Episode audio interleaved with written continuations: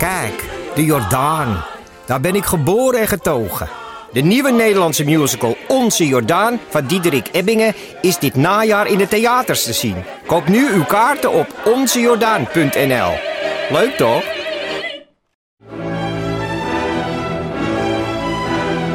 Dus jij koos voor deze podcast.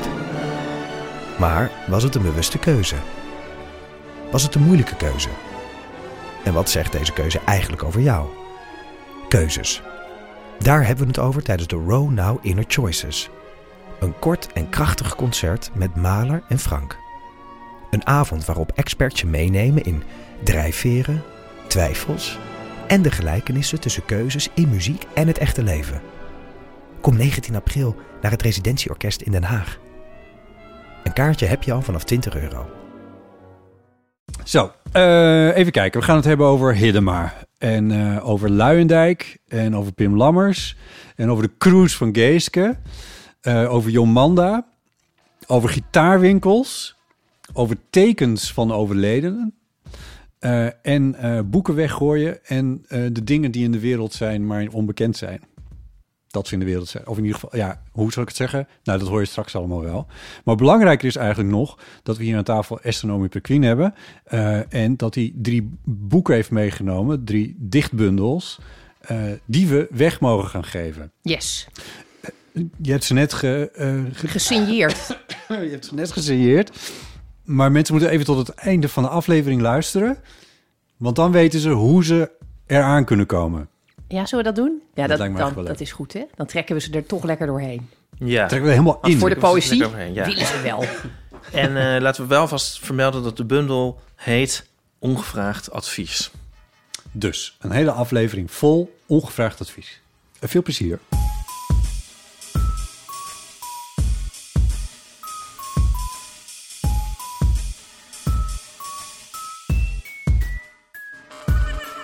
Welkom bij Deel van Amateur, aflevering 271 met hier aan tafel Ipe Driessen. Hardo. Mijn naam is Botte Jellema en ook aan tafel zit Esther Naomi Perquin. Hallo. Hallo, wat leuk dat je er weer bent. Je was een keer eerder te gast, dat is 100 jaar geleden.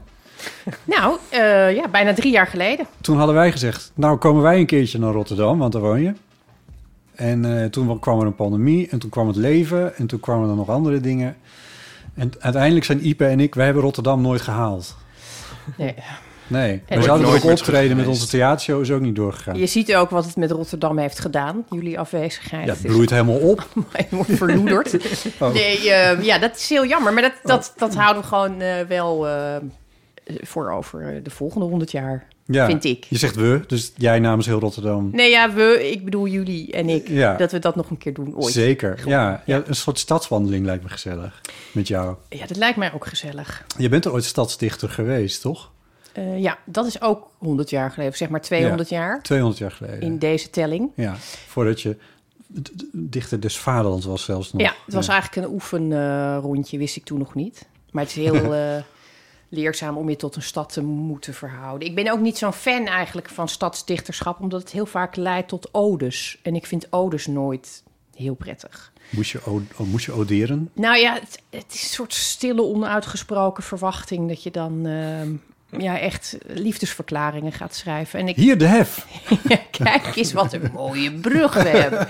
En dat eh, vind ik nooit zo heel eh, interessant zelf. Nee. Nee, het wordt ook altijd zo, zo gauw een beetje eh, chauvinistisch en eh viezig. Oh, de hef. Oh, de hef. Dus dat heb ik volgens mij destijds ook helemaal niet zo vaak gedaan. Dat bleek prima te kunnen. Grappig dat je met die hef aankomt. Ja, ik, had een heb er ooit een, verhaal, ooit Oh, een ja? keer verhaal gemaakt daaromtrent met eh Wilfried de Jong. Die heeft een boek geschreven met iets wat zich daar ook afspeelde en zo. Toen ben ik met hem Ja, die, daar dat er iemand gegaan. afspringt volgens Ja, mij. klopt. En dat schijnt echt gebeurd te zijn. En, eh, en toen ben ik met hem naar de hef gegaan om daar dat verhaal op te nemen. En toen heb ik natuurlijk ook een beetje uitgezocht wat het dan eigenlijk voor plek is. En dat vond ik eigenlijk wel heel, heel erg leuk. Ja. Nou, ik heb een stripje gemaakt van... ehm, behalve de kubuswoningen en de Erasmusbrug... en, nou, en dan honderd dingen... Noem maar nou eens één ding dat leuk is aan Rotterdam.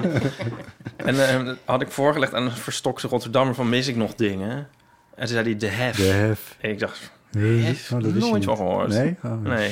Het, is, het is ook de brug die eh, Jeff Bezos eruit wilde laten schroeven... om zijn eh, grote schip Oh, ja. uit, wat was het, maar, maar Moordrecht of zo te laten, kunnen laten. Ja, je moet daar langs en dat kon niet, geloof Nee. ik. Ja, dat vond ik dan wel zelf weer heel leuk. Ik ook. Ja, als je echt heel veel geld hebt, die zegt, ja, sorry, mijn, mijn boot is te groot. Mag ik jullie brug even Afbreken. op- afbreken? Dat, is, Jullie- dat heeft een soort schaamteloosheid waar ik ook 100 jaar- alweer eigenlijk een beetje voor val. Maar ik geloof, het is niet doorgegaan, toch? Nee, Uiteindelijk. nee, nee, ja. nee. het ging niet door. Ik weet niet hoe ze dit dan hebben opgelost, maar ja, goed. Misschien heeft hij hem met een onderzeeër neerwaarts getrokken. Lijkt me eigenlijk Je nog kan hem gewoon laten vollopen duurder. Ja. of, eh, met een paar enorme helikopters. I don't know. Anyway, we moeten ook nog even hebben over wat serieuze dingen des levens. Eh, en hier hebben we de hele week zijn, bij alle drie zijn hier eigenlijk de hele week wel mee bezig geweest. Eh, en toen kregen wij een heel mooie brief van een luisteraar van ons. Ik dacht, als ik die nou even voorlees, dan kunnen we op basis daarvan er misschien nog even iets over zeggen. Eh, het is een brief van Silva, een mailtje was het. Eh, hoi en Ipe. En Esther verzin ik er nu eventjes bij. Toen ik vanochtend wakker werd, zag ik het nieuws over de bedreigingen aan het adres van Pim Lammers, die zich gedwongen voelde zich terug te trekken uit de kinderboekenweek. Wat ontzettend naar en heel erg jammer. Voor hem en voor alle kinderen en volwassenen in Nederland. Het is onvoorstelbaar dat iemand die schrijft over dat iedereen er mag zijn, hoe of wat je ook bent of wilt zijn, zo behandeld kan worden. Hopelijk zien de meeste mensen in dat zijn verhalen super belangrijk en actueel zijn om dit soort nare, ongegronde veroordelingen in de toekomst te voorkomen. Ik vond het heel leuk dat hij bij jullie in de podcast was en heb daardoor zijn gedichten leren kennen. Ik ben er dol op en ik vind het heel cool dat hij op scholen met kinderen in gesprek gaat over regenboogthema's. Ik wens Pim Lammers en jullie alle goeds en sterkte. Liefs Silva. Ja, je kan me eigenlijk alleen maar bij aansluiten. En, en heel lief van je, eh Silva, ook. Dat je dit hebt geschreven. En ja, ik ben er ook heel veel mee bezig geweest. En voordat we de recorder aanzetten, Esther vertelde je eh, dat we morgen de... Nou, ik weet even niet. Vrijdag, dus dat is de dag van publicatie van deze podcast ook. Dan verschijnt er online bij NRC in ieder geval, dus het zal wel in de zaterdagkrant dan Ja. zijn. Een eh, artikel van jou ook, waarin je je hart even lucht. Ja, het is eigenlijk een beetje uit de hand gelopen brief. Hm. Er zaten zoveel eh, aspecten aan dit onderwerp dat ik dacht, ik mo- moet me maar even beperken tot de dingen waar ik min of meer verstand van heb. Ja. Eh, in mijn geval zijn dat bezorgde ouders, heb ik redelijk verstand van. En ja, ook hoe misbruik werkt, heb ik verstand van. Eh, deels omdat ik eh, in de gevangenis heb gewerkt, dus daar heb ik wat ervaring opgedaan. Maar ook omdat ik gewoon een kind ben geweest en een eh, meisje. En ja. ja, ik dacht, het is, het is helemaal niet een onderwerp waar ik normaal gesproken nou echt op zit te azen van daar ga ik nou eens lekker over schrijven. Nee. Eigenlijk gaat het ook helemaal niemand aan, Nee. vond ik ook. Maar ik dacht ook, misschien is het toch goed om even uit eigen ervaring te laten zien hoe dit soort dingen ook kunnen eh, werken. En Ja. waarom dat inmiddels eh gevraagde verhaal zo van nut kan zijn om te snappen hoe dat werkt. Want Ja. dat geluid mis ik soms nog een Ja. beetje bij alle mensen die zeggen eh, op de bres te springen en te beschermen en te bewaken. Ja. Dat mag van mij natuurlijk, daar ben ik helemaal voor. Maar juist dan moet je weten hoe dit werkt. Ja. En ik vind dat verhaal van Pim Lammers een uitstekend voorbeeld om te zien hoe dit werkt. Ja. En dat heeft hij goed geschreven. Het staat gewoon online trouwens. Iedereen kan het lezen. Dat hebben we- weinig mensen gedaan volgens mij. Maar je kan het gewoon vinden. Ja, ik denk als ik sommige reacties bekijk, denk ik dat mensen gewoon heel druk zijn eh, en, en een volle agenda hebben en dan echt enorm veel werk hebben aan hun eigen mening en daarom echt niet zoveel toekomen aan het eh, onderbouwen Ja, ja. daarvan. Of nadenken over. Ja. Toch een beetje alsof je je huis, eh, weet je, dat je op zolder begint te behangen en dat je fundering ondertussen eh, ja, totaal rot is. Dat, maar ja, goed, ik kan me dat ook wel weer voorstellen dat het Ja. zo werkt eh, in je hoofd. Hoe jammer dat soms ook is. Ja, ja. Nou, ik ben, ik ben heel benieuwd naar eh, wat je hebt opgeschreven. En eh, ik, ik, ik denk dat we gewoon even een linkje in onze show notes eh, zetten eh, naar dat artikel. Dan kan eh, elke luisteraar daar ook kennis van nemen. Eh, en misschien is het verder nog goed om te zeggen dat ik het heel eh, interessant vond hoe eh, eigenlijk drie kranten dat al hadden gedaan. NRC en Parool waren de eerste Volkskrant. die kwam van de week ook met een hele analyse over welke enge clubs er nou eigenlijk achter dit verhaal zitten. Dat dit dus helemaal niet gaat. Het zijn wel bezorgde moeders die naar voren worden geduwd. Maar er zitten eigenlijk gewoon een paar heel enge mannetjes met hele enge ideeën zitten erachter. Die ook veel te veel geld hebben trouwens. En dat hebben ze allemaal ook opgeschreven. Die zal ik ook wel even linken in, eh, in de show notes. Ja, dat was trouwens ook nog een aspect wat, wat ik heb laten liggen, maar waar ik wel over na moest denken. Als je dat helemaal tot op de bodem gaat zitten eh, uitzoeken, dan Afpellen? zeggen ze eigenlijk Ja. ook: eh, iedereen die een seksleven heeft, zou niet Mhm. iets met kinderen moeten doen. En dat, ja, daarmee verklaar je eigenlijk ook, ja, ik denk toch 99,9% van alle ouders, ja, toch een beetje ongeschikt. Ja. Wat mij wel persoonlijk oplucht, want ik heb drie kinderen en ik vind het enorm veel werk. Dus als ik op basis hiervan zou kunnen zeggen: Sorry, ik mag niet meer eh, ja, dagelijks voor jullie zorgen. Eh, want ik heb een seksleven, dan eh, ja, komt ook heel veel tijd vrij. ja, dat is waar. Ja. En dat, dat geluid hoor je ook weinig. Maar ik denk dat heel veel ouders echt opgelucht zijn Ja. als ze hierachter komen. Ja, ja. ja. Nou, tot zover hierover, toch? Ja, ja, ik denk het, ja. Ja. En ehm, ja, nee, be- bedankt ook Silva namens mij. Ja, en heel veel sterkte Ja, aan... mooie mail. Zeker ook aan eh, de mensen om Pim heen en natuurlijk Pim, Pim zelf ook. Eh, en eh, hopelijk, eh, hopelijk komen we toch een stapje verder uiteindelijk. Oké, goed. Ehm, zoals gezegd, Esther, we wilden je al heel lang uitnodigen. Volgens mij heb je inmiddels al drie boeken geschreven. eh, dichtbundels dan. Hebben jullie, hebben jullie het gesprek van eh, drie jaar geleden teruggeluisterd of niet? Ik niet. Jij wel? Nee, st- stukken heb ik geluisterd. Oh, echt? Ja, en jij? Esther? En niet recent, Nee. maar ik denk dat ik het zeker na die tijd nog wel... Ik denk dat ik het nog twee keer, denk ik, heb teruggeluisterd. Oh, echt? Ja, dat klinkt nu toch een beetje eh, raar. Hm, Maar nou, het was heel leuk ook. Ja. En toen ik terugging van jullie... Ik, negen maanden later ben ik bevallen van een dochter. Ik wil niks eh, insinueren, maar ik stel alleen Negen vragen. maanden? Ik stel alleen eh, vragen. Ja, precies ja, negen maanden nadat vragen. ik hier was. ik stel alleen maar vragen. Ja, nou, En eh, dus nou dat, ja. dat heeft natuurlijk ook wel de, de boel een beetje... volgens mij, toen jullie met jullie voorstelling... die uiteindelijk door corona niet doorging... toen was ik net bevallen. Toen dacht ik nog, nou, dat red ik waarschijnlijk niet... om dan nog met een soort navelstreng over straat te slepen... om naar dat theater te kunnen. Maar eh, ja, ik geloof dat twee dagen na haar geboorte brak corona uit. Dus Ja. zat, zit echt een, een heel tijdperk ineens tussen... terwijl het echt maar een paar jaar geleden is. En we zien er ook Ja. alle drie nog ja, intens fantastisch uit. Dus dat Misschien is heel beter. Dat is- opmerkelijk. Ja, dat is opmerkelijk hoe goed we eruit zien. Hoe goed we er doorheen het is, zijn Het is gekomen. toch jammer dat dit alleen maar audio is, wat dat betreft. Ja, ja. Oh, grappig. Eh, eh, maar wa- Ipe, wat hoorde jij dan? Nou, eh, eh, hij was heel lang. Oh, Tweeënhalf uur. Ik dacht Echt? van, we, we kunnen ook, we kunnen ook we eh Esther kan gewoon thuis blijven. We zetten gewoon deze nog een keer online, want wie weet dit nog. Oh ja. Nee, maar het is echt een leuk, echt een aanrader om die te luisteren.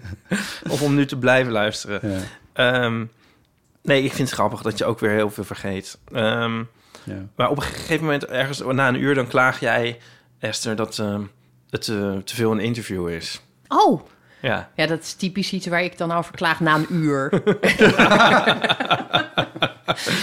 Echt een uur lang vol de aandacht. En dan, oh ja, het lijkt me toch een beetje te veel eh, op een interview.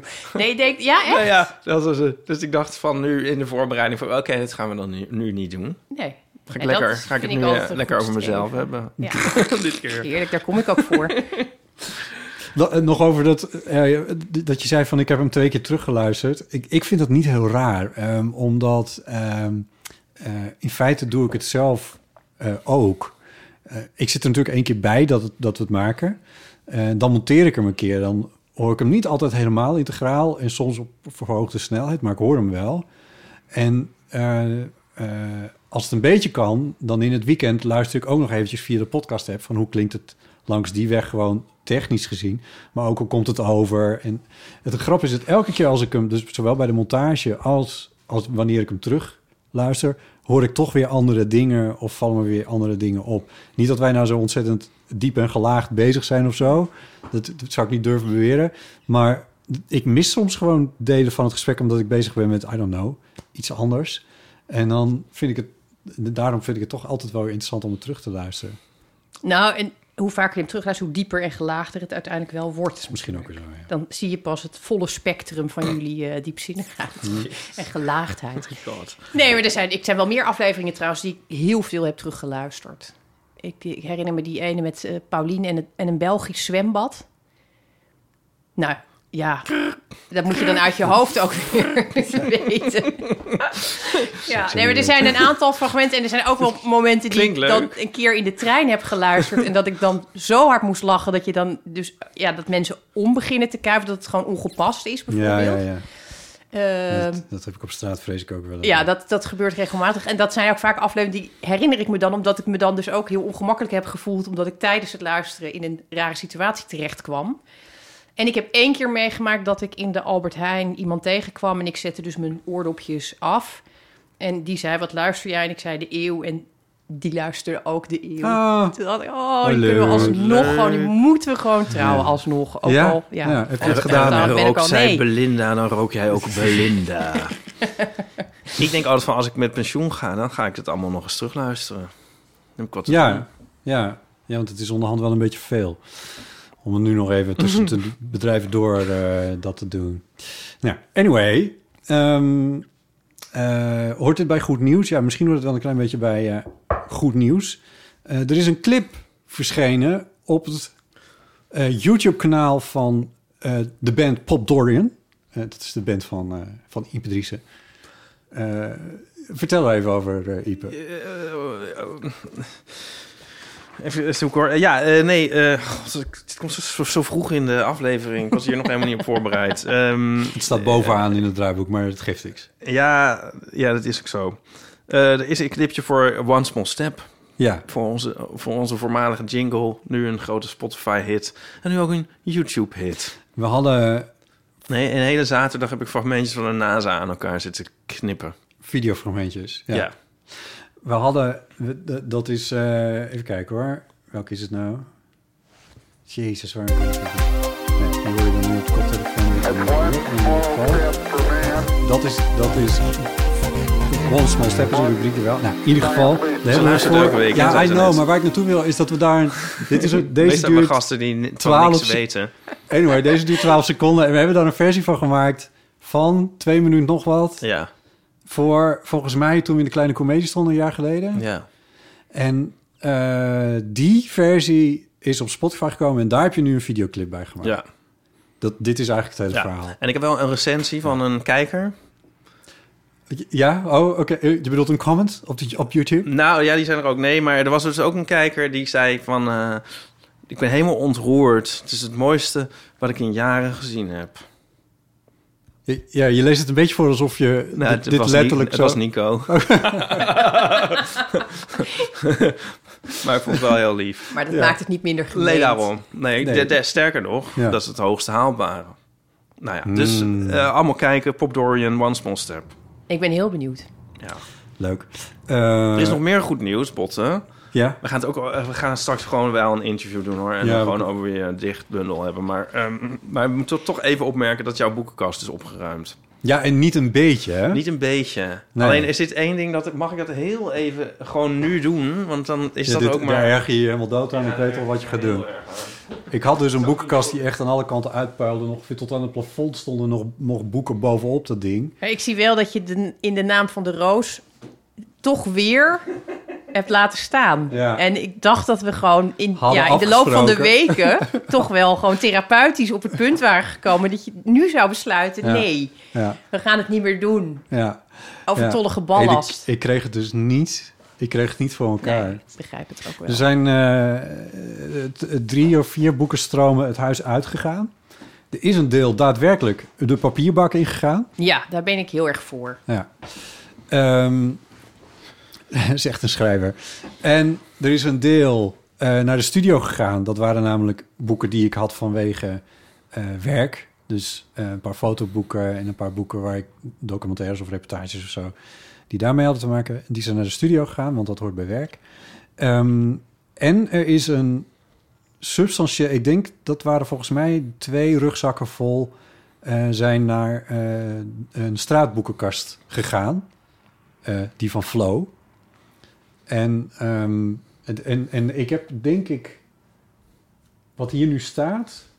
Hé, hey, wat heb je nou veranderd? Ik dacht dat je je eigen boek overeind zou gaan zetten. Nee, ik heb op die, die, die song die, die diagonaal lag, die heb ik nu Ja. Oh, Ja. Ja, en die, Ik ook en die Willem Melchior eh, heb ik ook eventjes net even... eh, dat gewoon plat ligt. ja, ik had... Oké. ik ga het niet meer uitleggen. Je hebt ook eigenlijk net één boek te veel overgehouden. Zie je dat Ja, zelf? Ja, nou, daar ligt ook nog... Nou ja, anyway. Oh ja, Ja, drie. ja. Maar het- ik kon niet meer dragen. Ik, Oh ja. ik ben een keer apart met twee tassen naar, naar de papierbak gegaan... en een keer apart met twee tassen naar, de, naar het straatboekenkastje gegaan. Ja. Zoveel boeken zijn eruit En als je dan naar die papierbak loopt met die twee tassen, heb je dan toch een soort walk of shame gevoel? Of doe je dat wel echt met volle overtuiging? Nee, dat is wel met schaamte. Ik deed dat eh, om eh, negen uur s avonds. Dan is het donker. Je had een paar lege wijnflessen bovenop gelegd, zodat het leek alsof je naar de glasbak liep. Ja, die staat zoals normale mensen. Ja, normale mensen, Maar het kan ook een soort, juist een soort... eh, ja, het omgekeerde walk of shame zijn van... Ik heb thuis nog zo'n zo'n eh, weelde aan boeken. Dit is gewoon wat overschot. Ja. Wat ik deel met de massa's. Ja, ik Nou, vind echt dat mensen moeten daar heel bewust stelling in nemen. Ik, vind dus helemaal niet, ik ben dus helemaal niet tegen het weggooien van boeken. Ik, ik- kijk, dingen die goed zijn of goed kunnen zijn voor iemand... die kun je prima in een rouleersysteem brengen. Maar er zijn Ja. ook boeken waarvan je gewoon zelf moet constateren... dat het niet de bedoeling Nee. is dat het andere mensen ooit zal bereiken. gewoon uit angst dat iemand denkt dat het een goede roman is of zo. Of, Ja. of gegrepen wordt door, door een, pruldichter. Of, nou, dat, omdat je, je weet niet hoe dat mensen hun leven kan verzieken. Ik vind dat je daar ook een verantwoordelijkheid in moet hebben. Ja, Recensenten doen het ook, hè?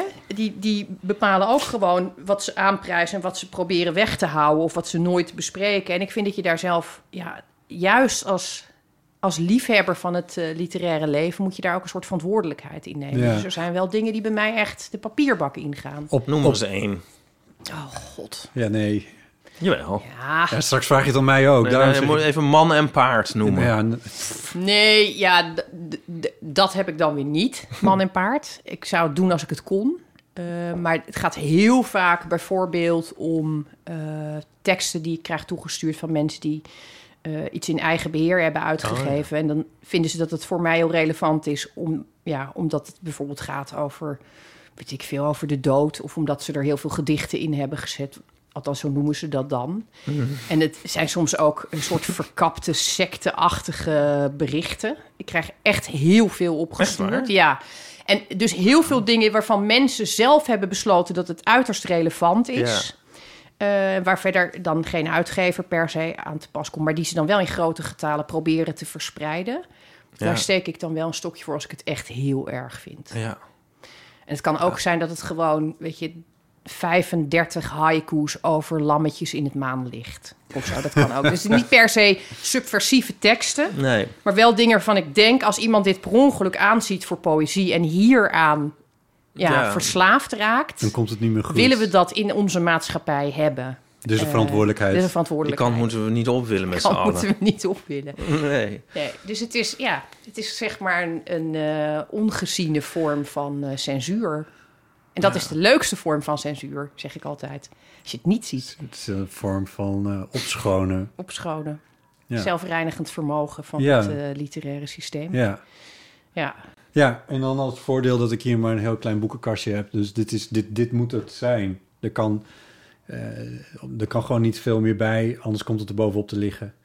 Dus Ja, over, ja, is het. het is niet echt een diepe, hè? Je kunt niet Nee. dubbel gaan zetten. Nee. Oh ja, dat hoorde ik laatst ook iemand. Want dat doe ik dus. En dat Ja. is eigenlijk heel vervelend. Omdat je steeds dus ook boeken koopt... waarvan je Oh, denkt dat je ze had, maar niet zeker weet. En dan blijken ze erachter te staan. En dan heb je dus drie exemplaren van iets op een Oh, gegeven ja, moment. ja. Dat is wel gewoon heel vervelend. ja.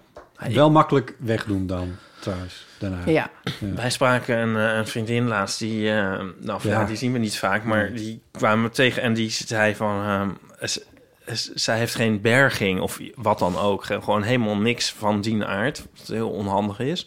En eh, toen heeft ze besloten om haar kasten een stukje van de muur te trekken. en dan achter die kasten doet ze dan dingen die, die normale mensen, of niet normale mensen, maar die je normaal gesproken in de berging zou doen. Maar bedoel je dat bijvoorbeeld een tuinslang of een... Ja, ja, dat soort Kussenset. zaken. Daar Ja. ging het over, ja, over die dingen. ja, want dat wil je niet de hele En dat tijd in zicht achter hebben. de kast. Ja, maar ik, dit, dit lijkt mij zelf... Dus dat is net als met twee rijen boeken.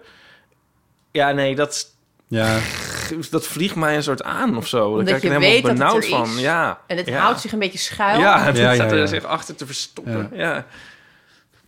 Ik heb hier in dit huis onder de trap, daar kun je heel moeilijk bij, want daar staat het bed eigenlijk voor. Daar zit een, daar zit een kast, best wel groot, heel handig eigenlijk. Behalve dan dat, die, dat je er dus niet bij kan. En ik weet nu dus eigenlijk niet helemaal wat daar nu in zit. En ik, maar een beetje hetzelfde wat jij van. Het kan best zijn dat ik dus dingen nog een keer heb gekocht omdat ze daarin staan en ik het dus niet meer kon vinden of zo.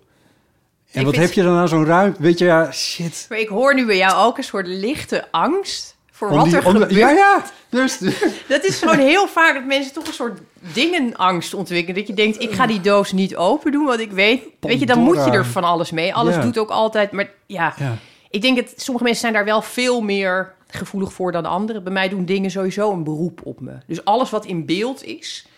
Ik heb het heel erg met waterkokers en zo. Dat je, je voelt gewoon dat ze ontkalkt willen worden... of dat, ze, weet je, dat er iets is. De he- ze willen de hele tijd iets van je. ja. Dus ik probeer ook zoveel mogelijk uit het zicht te houden. Ik heb dus heel, ja, het ziet er bij mij altijd heel overzichtelijk uit. Mijn huis is heel, eh, zeker voor een huis waar drie kinderen wonen, is het best Minimalistisch. minimalistisch. Alleen als je dan de kasten open doet, dan zie je gewoon dat, ja, dat ik het probeer te vermijden om er echt orde in aan te brengen. Want het is gewoon veel. Het is vooral om het uit zicht te houden. Ja, het is heel veel werk. Ah, ja. Dingen zijn sowieso gewoon heel veel werk. Ik denk dat mensen dat voelen. Ja. En zoals jij nu over die kast vertelt, dan voel je gewoon dat er een soort angst zit om daar echt Ja. ja, niet alleen bij die kast hoor. Ik heb ook een hele collectie aan microfoons verzameld in de loop van de jaren. En daar ben ik eigenlijk ook een beetje bang voor geworden. ja, want het is, het is gewoon echt...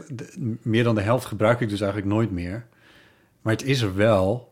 En ik, ja, daar moet ik dus eigenlijk ook iets mee. Dus of ik moet ze wegdoen op een of andere manier. Nou ja, dat is ook de En dit lijkt me ook een- extra eng. Maar Ja. ook omdat ik een soort lichte elektronica-fobie heb. Met al Oh, die zo. snoertjes en draadjes. Ik weet nooit hoe het werkt. Dat je daar je hand dan insteekt. Oh, En wat er dan gebeurt. Ja, Ja. dat je daar een soort... maar wat, er- ik heb een doos met USB-kabeltjes. Er staat dan Oh, USB op. En dan heb je soms een heel raar kabeltje nodig. En dan Ja. ga je kijken. En dan, dan zie je van... Oké, deze heb ik 20 keer blijkbaar. Deze 15. Deze 39. Veel te veel. Alles, alles behalve het kabeltje ene. dat je moet hebben natuurlijk, is er niet. Ja. En dan, dan kun je maar beter eigenlijk gewoon alles maar niet hebben... en denken van oké, ik ga nu even naar de winkel. Voor dat, want dan, dan zit je weer in zo'n hele... ah, ja, dan kom je in, in die toestand van... oh, mijn hele leven, ik heb alles verkeerd ingericht en verkeerd gedaan. Is het een idee om, eh, om, om... Laten we het in die straatboekenkastjes doen, want die zijn er al. Dat daar een, een soort... Dat daar een doos komt waar iedereen al zijn USB-kabels in bewaart. Ja, Dus dat je in huis ook echt gewoon niet meer eentje hebt. Maar dat ze allemaal daarin liggen. maar ik, Dus als je dan... Een- ik heb er nog geen. Ik heb er nog geen opladers. allerlei dingen. Ja, maar daarvoor heb ik nu de lettertang. En dan doe ik zo de dingetjes op de opladers. Dan weet ik in ieder geval waar het voor is. En de adapters. Maar, maar, maar mensen, jongens, ik maak het nog erger. Ja. Met voedsel vind ik het nog misschien wel het allerergste. Want dan word je dagelijks mee geconfronteerd. Van dat je per ongeluk twee pakken hagelslag hebt. Die dan ook allebei open zijn. Of dat hoeft niet eens. En, dan- of twee potten pindakaas in gebruik. En dan, en dan heb ik eigenlijk geen rust meer tot er één leeg is en er gewoon weer één is. En het allemaal weer, alles weer bij het oude is. Hebben jullie dat niet? Want jij zegt net waterkokers die ontkalkt willen worden. Ik kwam erachter dat wij drie flessen schoonmaakazijn hebben staan. en dan denk ik, oh nee. Dat gebruiken we al nooit. Hoe krijg ik dit ooit op? En dat staat nu in de weg, voel ik dan. En Dit zo. is echt letterlijk wat het goedkoopste wat je in de Ja, supermarkt ik kan ik, halen. hè? weet Nou ik. ja, goed. Maar ja, moet ik dat dan weggooien? Ja, Nou ik ja. vind twee potten pindakaas tegelijk in gebruik... daar zou ik me echt ook heel erg aan storen. Toch? Op een totaal onbewust niveau. Zonder dat anderen daar last van hebben. Maar ik zou dan ook niet rusten voordat het Nee. is rechtgetrokken. Ja. Het klopt gewoon Nee, niet. het klopt gewoon En het is Nee. fout. Ja. En ik, ja, Zo hebben we de wereld niet ingericht. zo is, dit is gewoon niet de is niet bedoeling. bedoeld, nee. Nee. En die kleine dingen in het leven waar je dan nog een heel klein beetje invloed op hebt, wil ik ook dan kunnen uitvoeren. Ja, Ja. het zou mij echt. eh, Maar ja, dit is wel gewoon ook een van de ellendige dingen met kinderen. Daarna hou ik er echt over op. Hoor. Ik heb ze nu wel genoeg Ja. naar beneden gepraat. het, het concept, zeg maar. Eh, maar dat is dus dat je dat soort dingen Ja, en ook lege verpakkingen aantreft. Ja. Daar kan ik ook gewoon... Daar, daar kan Oh, die echt- gewoon helemaal leeg zijn al, ja. Ja, die zijn gewoon leeg en die zijn dan Niet teruggezet. Die zijn dan teruggezet op hun plek. Ik denk, nee, maar dat is Monsters. Hoe, krijg je het voor elkaar? Wat is dit voor sadistische Ja. Situatie? Nee, dat, dat soort, daar heb ik echt wel moeite mee. Ja. Ja. Dus als ik in mijn eentje zou wonen, wat natuurlijk uiteindelijk voor iedereen het beste zou zijn, Hmm. dan zou ik dit ook. Ja. Ik zou nooit, echt Dat- nooit twee potten pindakaas. Nee, eh, dat gezegd hebbende. Esther, heb ik gisteren een potje sambal gekocht, opengemaakt en in gebruik genomen. Vervolgens in de ijskast gezet en geconstateerd dat, Dat er er nog al eentje eentje open Oh, was. dit is ook wel. Aan niemand anders dan mezelf te wijten. Ik heb eh, op, bij mijn stofzuiger twee van die borsteleindjes. En die waren niet goedkoop, want die zijn daadwerkelijk van Miele. Zo, het zijn de merkstukjes. Merk, merkopzetstukjes. wordt nu vriend van de show. En En help botten met het aanschaffen van Het ding nieuwe is- opzetstukken. ze liggen allebei op mijn cv, want dat is waar je dat bewaart, kennelijk. Ehm, en ehm, ik, eigenlijk moet ik er dus eentje, eigenlijk moet er dus eentje weg. Maar ik krijg het niet over mijn hart om er eentje weg te gooien. Is het omdat die andere dan alleen achterblijft? Nee, dat is omdat... omdat Of misschien gaat Is het omdat je niet weet welke van de twee je echt nodig gaat hebben? Ja. Ja, en welke nou eigenlijk bedoeld was ook. Dat is ook een probleem. Maar ook van als er dan eentje stuk gaat, dan sla je jezelf helemaal voor je kop. Ik vind het allemaal valide argumenten hoor. Ook dat eentje alleen achterblijft vind ik ook een valide argument. Oh, Ja, oké. ik heb dat heel vaak als ik een pak eh, pasta of zo leeg schud boven de pan... en dat er dan één sliertje in het pak blijft zitten... dan kan ik dat, wil ik dat toch, omdat ik het dus zielig vind... dat die andere dan wel... Ja, nee, maar denk, dat ja, is ook moeten ze in ieder geval bij elkaar. Ja, ja. Ja. Goed, Ja. dit zijn afwijkingen. eh, Het zijn Ja, niet het- eens het- echt het je moet er ook niet te ver induiken, want dan wordt het heel erg. ja. Ja, We Dit is ook het wegzetmoment, denk ik, voor heel veel mensen. denk je? Ja, Ik denk juist dat, dat heel veel mensen denken die van... nu helemaal aanslaan. Ja. Ja, die horen eindelijk hun eh, ja, Hek- zichzelf vertolkt. vrees. Ja. Ben ik nou zo gek? Nee, nee. Ja. Nee. Nee, ik Oh, denk ik het ook. Ja, het is toch ook zo van... eh, Nico stelde voor om een wasrek te nemen... dat we neer kunnen zetten... in plaats van aan eh, iets op moeten haken. ja. Ehm, dat gaat misschien dan gebeuren in de zomer als hij terugkomt. Maar ik denk nu al van... ja, maar dat is toch wel echt wel heel zielig voor het oude wasrek. Mocht u verlegen zitten om een Oud wasrek, mail dan naar... gesigneerd. Ja. Gelabeld met een labelmaker. Oh mensen, ja, zo komen we er niet, hè? In het leven niet, maar in deze podcast ook niet. Nou, ik vind het wel erg dat we dus in een tijd leven... waarin je eigenlijk online zoveel kunt... en dat we niet in staat zijn om een goed rouleersysteem op te zetten. Dat het gewoon er niet is. Ja, Dat iedereen zit de hele tijd met allerlei dingen. spullen en dingen. Ja. Brigitte Kaandorp heeft er een fantastisch stuk ooit over gemaakt. Ja, Over dingen die oprukken in je leven. En dat iedereen dan uiteindelijk met karretjes de weg op gaat. Om, omdat ze denken, ja, misschien kan ik die bank nog naar mijn broer in Friesland brengen. En misschien heeft die nog ergens plek. Ja, wij weten het ook niet meer. nee. Nou, Dat, en dat we dus niet een systeem hebben waarin dit loopt. Ik snap Markt, dat, dat... Marktplaats. Ja, maar er zit, zit het Maar dan zet je een Het gaat ook USB-kabeltje niet. hele ja, precies. dommige dingetjes. Ik zet je ik zou het gewoon moeten neerzetten. Ja. Ja. ik snap dat je dat niet allemaal op straat kunt flikken. Maar moet je je voorstellen wat er gebeurt als iedereen... de kleding die hij niet meer nodig heeft... de, de pannen die je nooit gebruikt... als die allemaal massaal ja, Dan- in dan- roulatie zouden komen. dan- gewoon voor, er zitten heel vaak nieuwe... Je hebt ook heel veel nieuwe dingen gewoon in huis die je nooit gebruikt. Echt. Dat is gewoon onvoorstelbaar. Als je erover Ja. nadenkt hoeveel dat is. Ja. Maar je hebt sommige apparaten waarbij... Ik heb laatst een boor geleend van Botten. Oh ja. Daarvan is het een soort... eh, met boren is het wel gelukt. Oké, die hebben maar een paar mensen en die gaan dan rond. Nou, dat klopt. ja. Maar waarom is dat met... Maar, maar eigenlijk boren is eigenlijk het enige. En misschien grasmaaiers, maar dat weet ik niet zeker. Maar dat is het. ja. En eigenlijk met alle andere dingen ha- had dit ook gekund. ja. Waarom is het met boren wel gelukt? En wat Ik heeft de boorlobby verkeerd gedaan? Nou, goed, goede vraag. Hier, hier zit geld. Nou, het maakt wel. Dit, dit is niet een goedkope boormachine. Die ik had. Zo. Nee, niet om mezelf. Nou goed, dat bedoel ik niet. Ik bedoel Hij om te zeggen, ook dat, dat heerlijk, opzetstukje voor me. Het was echt- ja, dit Het was was echt goed boren. als Oh, een ik warm mes door de boter. ik ook niet. Ik Ik, durf heb echt Nico niet te laten boren. Ik ben Nee, ja. Ik durf het echt niet. Ik Je ben altijd zo bang dat ik iets raak. En dan Of moet dat je er... doorgaan. Ja, ik sta dan al helemaal, dan ga ik al zweten. Dan voel ik als ik alleen al zo'n apparaat beetpak, Oh, ja. dan worden mijn handen al een beetje vochtig. En dan glijdt hij ook nog weg natuurlijk, want het Oh, is ja. ook altijd zwaar. Er moeten ook altijd dingen in waarvan ik niet weet hoe het vastgedraaid moet Ja, worden. dat is ook een beetje te moeilijk dus- gemaakt. Ja, en dan heb je ook nog zo'n zo'n koffertje erbij. Dat doe je dan open. En daar liggen dan, weet ik veel, 35 soorten boordjes. Ja. Behalve die ene die je wil. Met allemaal cijfercodes. Ja. Waarvan ik denk, ja, ik heb geen idee waar ik precies eigenlijk in ga boren. Misschien zit er wel iets heel anders achter dan ik denk. Of een waterleiding, dat is mijn grootste angst. Of een elektriciteitsding. Of een ingemetseld lijk. Er kan gewoon van alles gebeuren als je gaat boren. Ik vind het zo'n eh, enge handeling. Ik snap niet dat mensen dat, dat zo En dan zou je net zien dat, cinematig kunnen. dat het lijkenboordje net even niet is te vinden. Precies. Dat je Ja. dan gewoon, ja. Maar ja. het punt wat ik volgens mij wilde maken was dat Plumo-ding, of weet ik veel, dat opzetstuk voor mijn eh, stofzuiger, het, weliswaar niet goedkoop, maar ook niet heel duur. En dat is een boormachine misschien wel. Ik denk dat dat het verschil is. Ja, het is gewoon... Een boormachine is overduidelijk iets wat je maar af en toe heel zelden Ja, dat- gebruikt. Dat is het ook inderdaad. Maar Maar Nou dat is dan nog een soort deeleconomie. Maar ik heb het ook echt over totaal overbodige dingen. Waar Ja. andere mensen, dat weet je gewoon.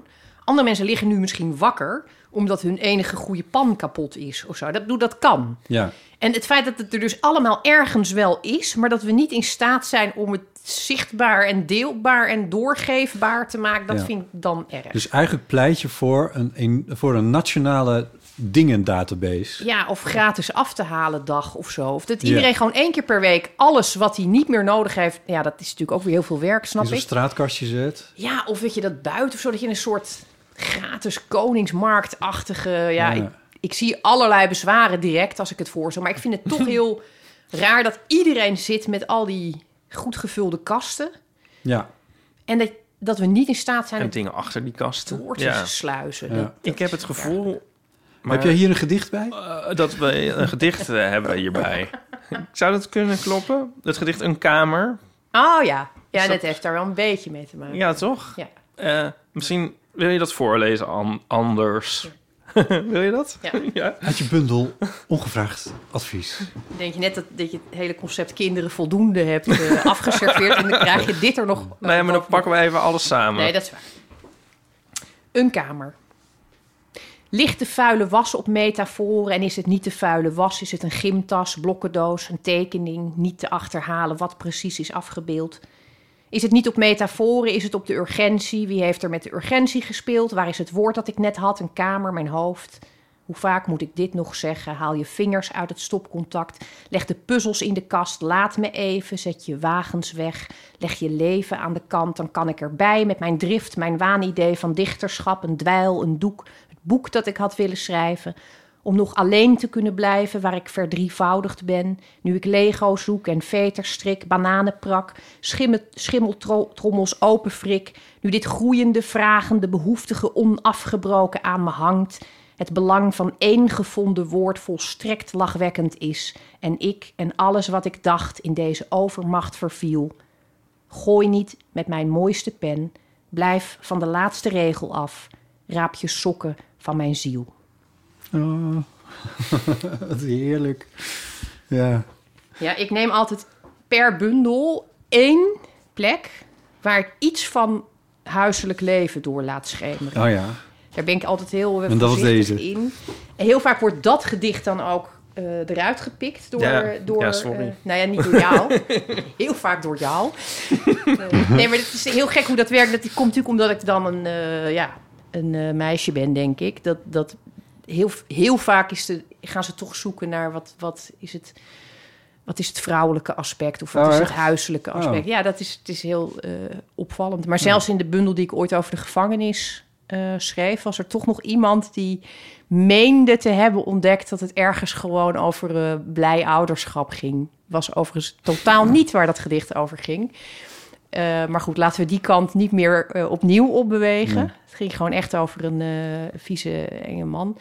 En ehm, ja, dus dat is heel opvallend dat ze dat altijd doen. Dus ik probeer het zorgvuldig af te wegen. Dat doe ik trouwens in mijn columns voor de Groene Amsterdammer ook altijd. Dus ik kijk, heb ik het deze week of heb ik het deze maand al over kinderen gehad... of iets gerelateerd aan het gezinsleven? Dan, Dan gebeurt dat niet nog een keer. voorzichtig in. Ja.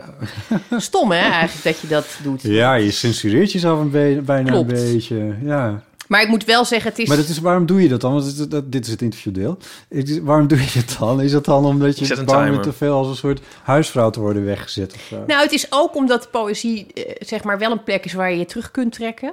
Mhm. Eh, een van de weinige plekken als je ja, een druk gezinsleven erop nahoudt... waar je je terug kunt trekken, is poëzie. En als ik daar ook nog ehm, met al die andere levens en belangen en behoeftes zit opgescheept... Dan, dan kan ik niks. Dus het is ook wel tot op zekere hoogte een hele bewuste daad... ja. dat ik het uitsluit.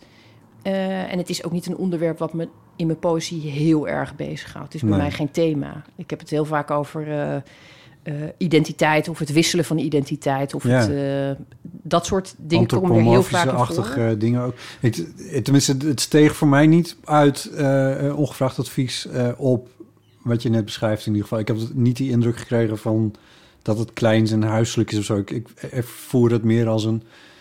Hoe ervoer ik het? als een wandeling door de stad misschien. Met observaties en ehm, bedachte observaties en angsten en verlangens en in die categorie zat het voor mij meer. Oh ja. Nou, dat vind ik wel fijn. Het had een buitengevoel voor mij. Ik weet niet precies waarom, maar dus, dus, dus misschien als je dat bewust hebt gedaan om het, om het huiselijke en het binnen eruit te houden, dan is dat wel voor mij wel redelijk gelukt. Waarom koos je dit eigenlijk, eh, Ipe? nu begint het interviewdeel. Het, Nee, het kijk, kantelt, hè? ik heb een aantal stickertjes. En ehm, daar zit... Hoe kom je nou ineens aan papier trouwens? Want wij, we hadden het er van de week nog over. Van... Ja, maar ik liep langs een boekwinkel. En ik dacht, Oh. eens even kijken of En daar lag het natuurlijk bovenop. papier te vinden is. Ja, Ehm, ehm, nou, ik vind het een gevarieerde bundel. Jezus. Op Vragen de ogen onze kant op. Mag ik dit zeggen? Ik, heb, ik, ik kies hem nu uit, omdat, omdat hier een beetje samenkomt... waar we het net over hadden met kinderen Ja. en spullen en zo. En, eh, Nee, dat is heel dus, goed, eh. Dus het sluit gewoon heel erg aan. Maar Ja. het is ook eigenlijk misschien de afsluiting van dat onderwerp dan. Ehm, maar ik vind het grappig dat... Of grappig. Dat je in, in, het, in de bundel en heel, opeens een heel persoonlijk inkijkje, zou ik maar zeggen. Krijg je als gevoel als lezer. Nee, ja, dat is het Ja. ook wel. En het gaat natuurlijk ook heel erg over het veroveren van ruimte. En daar gaat deze bundel zo... De, die hele bundel gaat eigenlijk heel erg over macht... en wie de macht neemt, wie de macht krijgt... wie de macht afdwingt. Eh, er zitten ook heel veel gebeden in. Eh, Het is natuurlijk ook een, een, een vorm van macht die mij altijd wel interesseert. Hoe, hoe, hoe je van God iets engs maakt... en hoe je van God een wapen maakt... en hoe je van God een klem maakt... Eh, dat, dat soort dingen. Dus het gaat heel veel over macht en wie welke plek in mag nemen. En eh, ja, ik vond het ook wel gewoon lekker om even een beetje te klagen over. Hè, dat ik eigenlijk ja, best een briljante dichter had kunnen worden als ik niet de hele tijd die Lego-blokjes moest opruimen en die En je favoriete vieze pen broodtrommels. En eh, Ja. ja. dan is mijn, mijn pen weer weg. Ja. Ja, dat, dat, dat is ook wel gewoon leuk, vond ik. Is het natuurlijk ook. Ik Ja. heb er nog wel één. Zal ik er anders nog eentje doen? Nou, ja, ja, ik bedoel ja. Oh ja, dit is, zal ik dat tussendoor zeggen? Deze las ik... eh, eh, ik, ik heb een paar voorgelezen aan, eh, aan Donny. En die zei toen bij eh, het gedicht Tellen... van, hé, hey, dat, is een, dat is een strip eigenlijk. Oh, dit zou zich heel goed lenen voor een strip, ja, denk toen ik. dacht, en toen dacht ik, was, die kunnen we misschien wel maken Ja. eventueel. Nee, moet je zeker doen. Oh, Lijkt me dat heel is leuk. ja. Ja, tof. leuk? Ik weet alleen even niet hoe tellen eh, gaat. Ehm, mag ik jullie dan ook voor... eh, ja, eh, Vragen ja, om voor te lezen, dat zijn de woorden, ja. Ik zit hier nou toch. Tellen. D kijkt graag vogels, ik mag mee. Oh, die ja. Kijk, zeg ik, een bonte ekster. Nou, zegt D, dat is een Vlaamse gaai. En daar bij de waterkant zit een jonge wintertaling. Nou nee, zegt D, dat is een smient. Verrijkend is het, vogelkijken. We zijn pas net begonnen en we hebben er al vier gezien. Het is echt heel erg leuk. Het is Volgens echt mij- een heel waar gebeurd gedicht. Ja? Het is helemaal zo gegaan. Oh, wat fantastisch. Eh, ja, dat, dat, dat, daarom vond ik het ook heel leuk. Omdat ik dacht, er is natuurlijk... Ik hou heel erg van gedichten waarin eigenlijk niets gebeurd is. En dat het dan toch ergens gaat over iets heel groots. Namelijk hoe je eigen waarneming... hoe je je eigen waarneming telt of beoordeelt. Ja. Of het telt als je het ook verkeerd ziet. Ja, Want je hebt het dan wel gezien. ja. Eh, dus in dat opzicht is het... Ja, maar het is tegelijkertijd ook gewoon een heel klein, grappig eh, dingetje. Volgens mij zette je hem op Twitter of op een andere social toen eh, vorig weekend die vogeltelling was. Is goed Ook omdat ik hoop dat mensen... Ja, dan het is heel onaardig, want Nou, het, weet dus het is ongetwijfeld behoefte leuk. aan een secure telling. Ja, Maar het lijkt me zo grappig als, ja, als allerlei mensen dus met z'n tweeën bijvoorbeeld dan hè, gezellig samen vogels gaan tellen. En dat ze dan allebei een totaal ander lijstje ja. hebben. Gewoon dat één niet zo heel ornithologisch onderlegd blijkt te zijn. Ja. En dan toch zijn best wil doen om eh, mee te helpen met de telling. Maar ik vind dit ook, dit is toch ook eigenlijk gewoon weer de condition humaine waar we het zo vaak over hebben. Wat? Ja. Dat iedereen alles anders ziet. Ja, nee, dat klopt. Ik, Eén één kleine anekdote Ja. nog over, die, over die, eh, die, die vogeltelling. Dat was op een zondag toen ik eh Mieke van der Wij trof in, eh, bij de redactie van het Oog op Morgen, waar ik af en toe werk. Ehm, en die, het, zij doet dan de opening van Met het Oog op Morgen met zo'n klein grapje over een dingetje. En toen vertelde ze daarin dat ze ehm, had meegeteld met de vogeltelling. Dat, dan ga je een half uur zitten en kijken. En eh, dat had ze op haar dakterras gedaan. En ze had eh, tot haar grote verdriet nul vogels. en nu wist ze niet of ze dat dan ook moest doorgeven. Of niet, of dat dan ook meetelt als telling. Ja, dat was echt heel Ja, grappig. dit zou ik ook heel goed kunnen hebben. En dat je dan toch denkt, moet ik dit zeggen? Omdat het Ja, misschien de statistieken anders niet Ja, kloppen. ja, of is het relevant Ja, ja, dat, dat- het een half uur niks was? Ja. Is, ja, wat zegt dat eigenlijk Ja. over onze vogelstand? Nou Ja. goed, dit kan ik me heel goed of voorstellen. toch die over iemand dat ze gewoon eh, toch nog niet helemaal wakker was. Ja, of dat die vogels gewoon... Denken van eh, niet, Ja, aan- niet, niet daar bij bij die haar. van de wijtjes. Ze zit voor het raam, zit te tellen. Ja, oh, die doet me aan denken dat even de tip geven dat mensen echt eh, het nieuwe liedje van Maria Kraaikamp moeten luisteren. Ja. Vogeltje. Oh, ja, dat ga ik zeker doen. Dat is zo'n mooi liedje. Ja. Eh, ja, dat ging over, jij weet dit, Ja, over een vogel, die- een bijzondere vogel bijzondere die, vogel die ergens was in- gezien. In Drenthe was gespot vorig jaar ergens. Overigens was er vanochtend of gisteren was er weer zoiets aan de hand. Het- met weer zo'n Oh ja? hele stoete aan, aan vogelaars... die dan zo'n ene vogeltje achterna trekken. Zo'n heel gebied door. Maar dat was toen ergens in Drenthe... was er een of ander moeilijk vogeltje... wat eigenlijk nooit voorkomt. En eh, toen waren er ook foto's in de krant verschenen... over allemaal mensen met zulke toeters van lenzen... die proberen om die vogel dan... En eh, daar, heeft, daar gaat Vogeltje over, inderdaad. Ja. Ja. Het is echt heel erg leuk. Maar zij, zij ja, nu, nu heb ik net condition humain te lichtvaardig gebruikt, maar Nou, eh, dat Dat is- Maria dus het hangt daar ook echt het hele, de hele toestand van de hele wereld op aan, aan op. aan dat vogeltje. Ja. Ja. dat is echt een geweldig liedje. Ehm, Zoals het ook met dit gedicht kan. en zoals ook met dit, ja, dus daar wil ik heel graag een strip van maken. Ik moet alleen even kijken waar ik dan een wintertaling, een smint, een bonte extra en een Vlaamse gaai vandaan haal. Maar dat is Ja, ik vrees dat je daar wel wat moet Je eh, kan. Gewoon vier keer een huismus fotograferen. It's fine. Ja, ik heb ze natuurlijk wel een beetje... Ik heb die vogels een beetje aangepast op de klank ook. Ja. Want het moest wel eh, passen.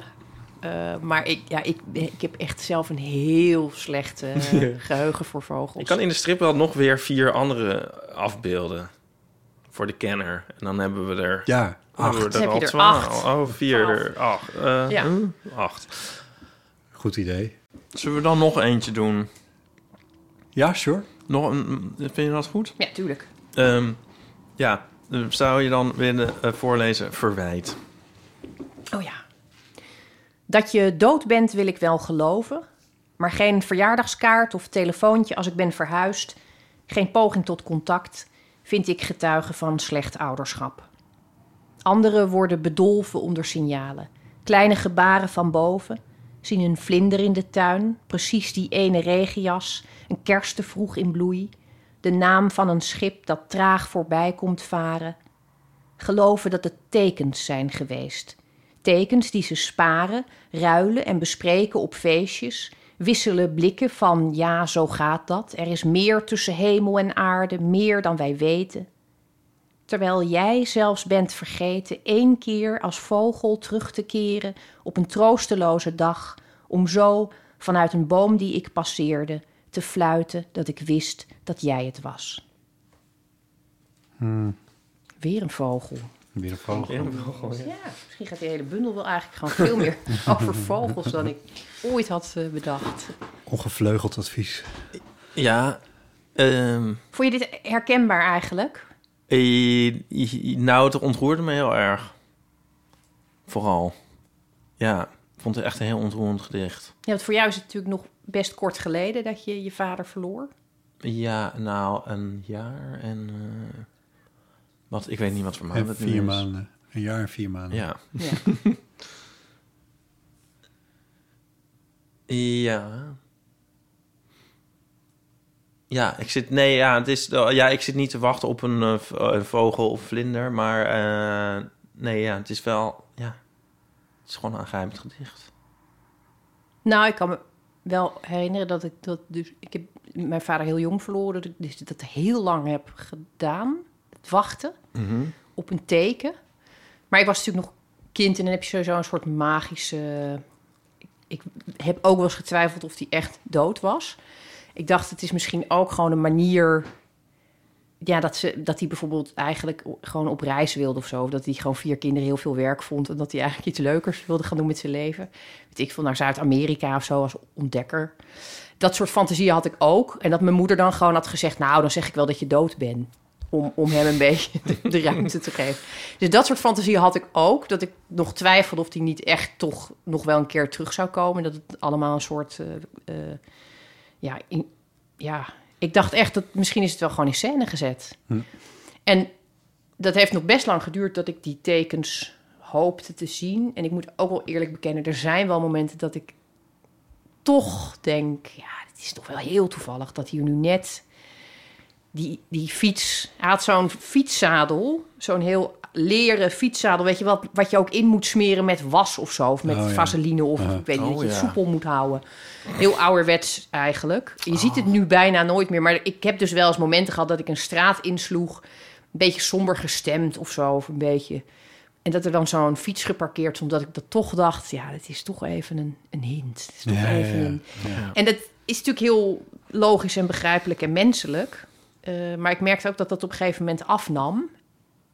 En toen dacht ik soms dus wel van ja, je bent nu al heel lang dood, dat snap ik op zich. Ik snap dat je gewoon hè, daar, dat is een fulltime betrekking. Maar ik heb dan toch het idee, je kan nu ook wel even gewoon een keer een kaartje sturen of zo. Ja. Het is ook een beetje laks. Ja. Ja, Ja. Dat, dat vond ik soms wel eh, Ja, gek. Om nou helemaal niks meer van je te laten Ja, horen. het is ook een beetje, ja, Ja. ik ben dood, ik kan niks. Ja. Eh, dat vond ik soms ook een beetje. ja, Nou, ik had wel laatst ehm, in Parijs, of all places, dat ik eh, even dacht dat mijn vader er aankwam lopen. Maar het was gewoon iemand die echt op hem leek. Ehm, ook met zo'nzelfde jas en ehm, zonnebril en zo. Heel, ja, een soort opperste verwarring is er dan even. Maar dan denk je, oh nee, oh ja, nee, het is hem toch niet. En dan is iemand het toch gelijk helemaal niet, eigenlijk. Weet je wel? Ja. Ja. En werd je er blij of verdrietig van? Of iets ertussenin? Of niks? Ja, een soort verwarring is het eigenlijk. Ja. Ik weet het niet. Ik kan het niet om. Was ik maar een dichter. Ja, nee, ik vind het moeilijk om onder, onder woorden te brengen eigenlijk. Het rare is natuurlijk als, als je nu... Als je dat vogelgedicht ernaast zou leggen... zou je ook kunnen constateren... op het moment dat je je vader ziet lopen in de verte... is het hem heel even geweest. Ja, Je hebt hem heel even waargenomen. Dat is op zich natuurlijk...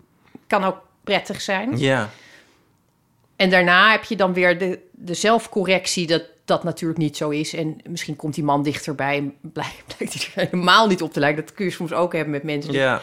Echt schrikt van dichtbij hoe weinig ze eigenlijk op iemand lijken. Dan is het gewoon de vorm of het silhouet of Ja. de manier van lopen geweest. Ja, dat vind ik ook altijd merkwaardig. eh. Hij bleef er wel blij, maar was het dan net niet. Maar dus, maar dus is hij het dan echt niet. Oh ja, het was wel Leon die we in de kleine komedie zagen. Echt? Het is totaal ongerelateerd inderdaad. hè. Wij Wij menen dat we een vriend van ja. ons zagen eh, in de kleine komedie. Die, die, en toen dachten we, nee, het kan niet. Dat kan toch bijna niet. Dus dat, zal iemand anders zijn Ik wist niet dat jullie bevriend waren met Leon de Winter. Dat is weer een hele nieuwe wending. Eh, God. Maar nee, ik denk dat ik het netto toch wel leuk vond om even te zien, nu, als je, nu je dat zo zegt. Eigenlijk hetzelfde als dat ik eh, twee keer heel levens echt over hem gedroomd heb. En dan vind ik dat ook prettig. Ja, het is toch weer een soort even eh, weerzien eigenlijk. Ja. Ja, ik vind het... Ik, heb er ook nooit... eh, het is een beetje... In dat gedicht heb ik het, heb ik het natuurlijk eh, enigszins smirend ook aangezet... naar mensen die dat soort ervaringen uitwisselen op feestjes. Ook omdat het... Ik vind het helemaal niet erg dat je in een cliché betrokken raakt. Je, be- je bent zelf persoonlijk om de haverklap in een cliché betrokken. Je bent één groot lopend cliché over het algemeen als mens. Dat, zelfs dat, dat is ook goed om te weten, ja. Eh, maar ik vind dan toch, soms worden die verhalen uitgezet alsof het toch echt wel iets heel. Ja, en toen, ja, en de dag Ja, daarna, ja, en toen kwam ineens die vlinder. Nou, toen dacht ik, nou, dit, dit, Dit is moet zo. hem zijn. En denk, ja, maar dit is. Ja, Ja. snap je? Dat, dat vind ik soms wel ingewikkeld. Dat mensen dat op feestjes kunnen bespreken op een toon alsof het toch echt wel een volstrekt nieuwe, unieke gebeurt. Maar tegelijkertijd denk je, ja, natuurlijk voelt het wel zo. Ja. En dat mag ook. Eh, dus ik, ik heb er niet echt iets op tegen. Eh, maar ik, als ik het bij mezelf opmerk, dan denk ik altijd: ach ja.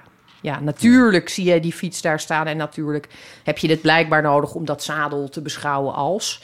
Waarmee je het ook niet uitsluit. Hè? Ik bedoel, Nee. Het is nog steeds mogelijk dat de doden allerlei signalen afgeven. En dat sommige Nou. mensen daar gewoon Ja. als een blind paard aan voorbij lopen.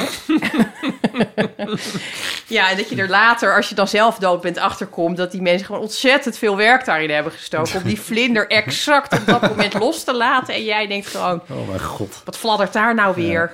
En verder met je leven. Ja, Nou, dat weet ik niet. Het lijkt mij we soms het niet wel uitsluiten. Nee, dat is waar. Lekker als je daar... Het lijkt me ook wel fijn als je daar lekker in kan... Ja, Hangen. hangen. Als Ja. je dat...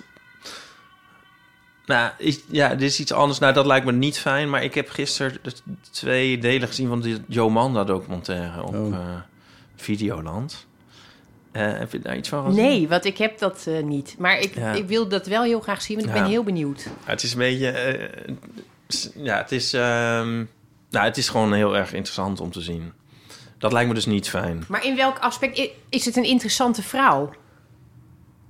Nou, het is nog grappig om te zien dat... ehm, we, we hebben dat wel een soort meegemaakt, maar als je het nu ziet, dan denk je van, hé, wat raar eigenlijk. En was dat zo groot en erg of zo? Dat wist ik nou eigenlijk helemaal niet. Het, het is heel vreemd. Ik weet niet of die documentaire, of dat dan helemaal...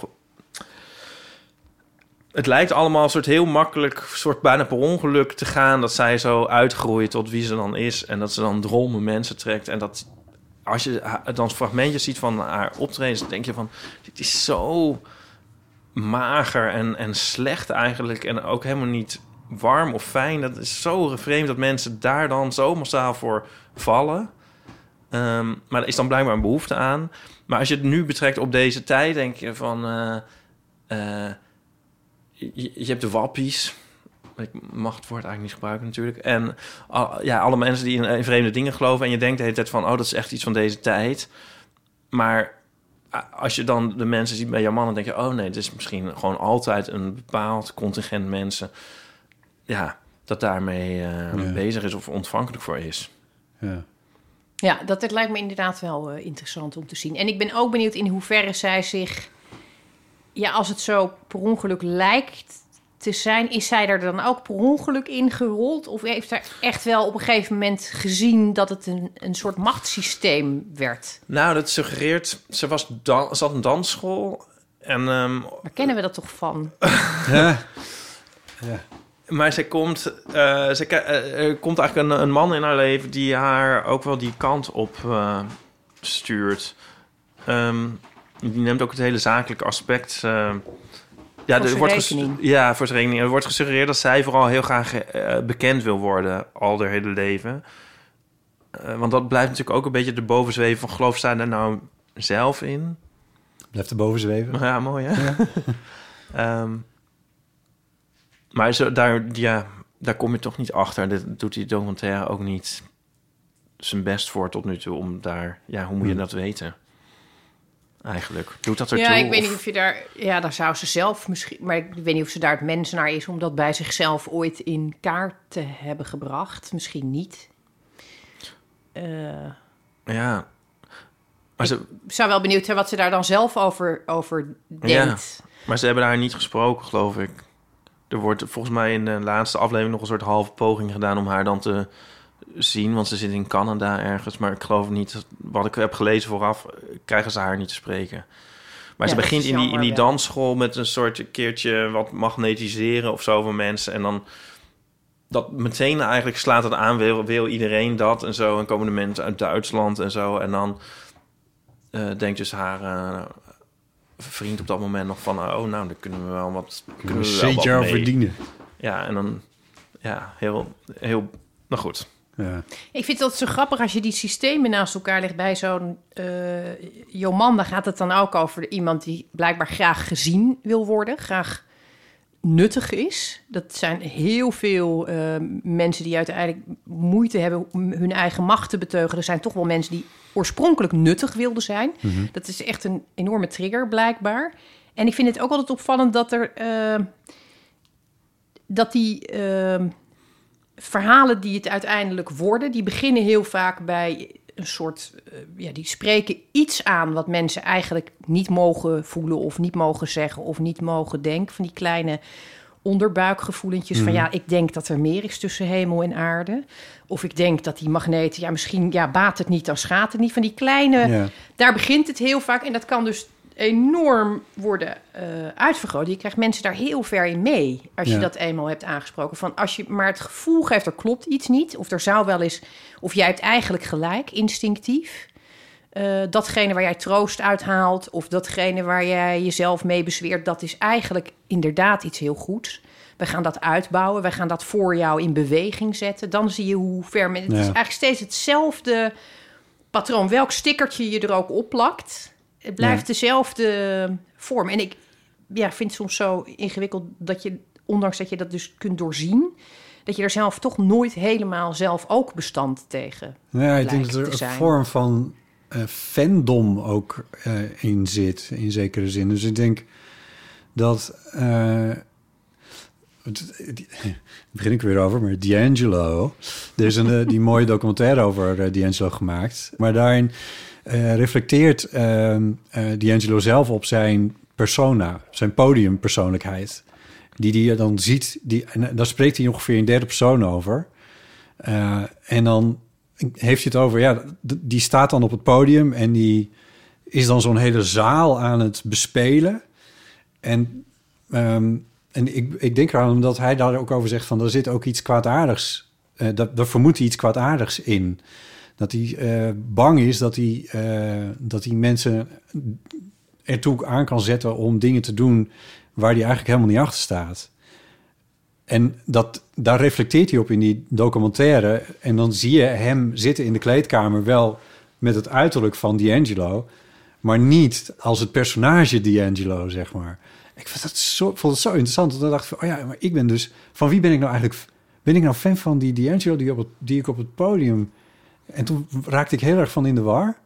En toen dacht ik, oh, ben ik hier dan ook gevoelig voor? Voor zo'n soort fandom-achtige situatie. Voor als zo iemand zegt van eh, spring naar rechts, dat ik dat dan ook daadwerkelijk doe. ik kan links en rechts niet uit elkaar houden, dus het zal waarschijnlijk misgaan. Maar ik ook niet. Ik kijk nog steeds op mijn handen. Ik ook, ja.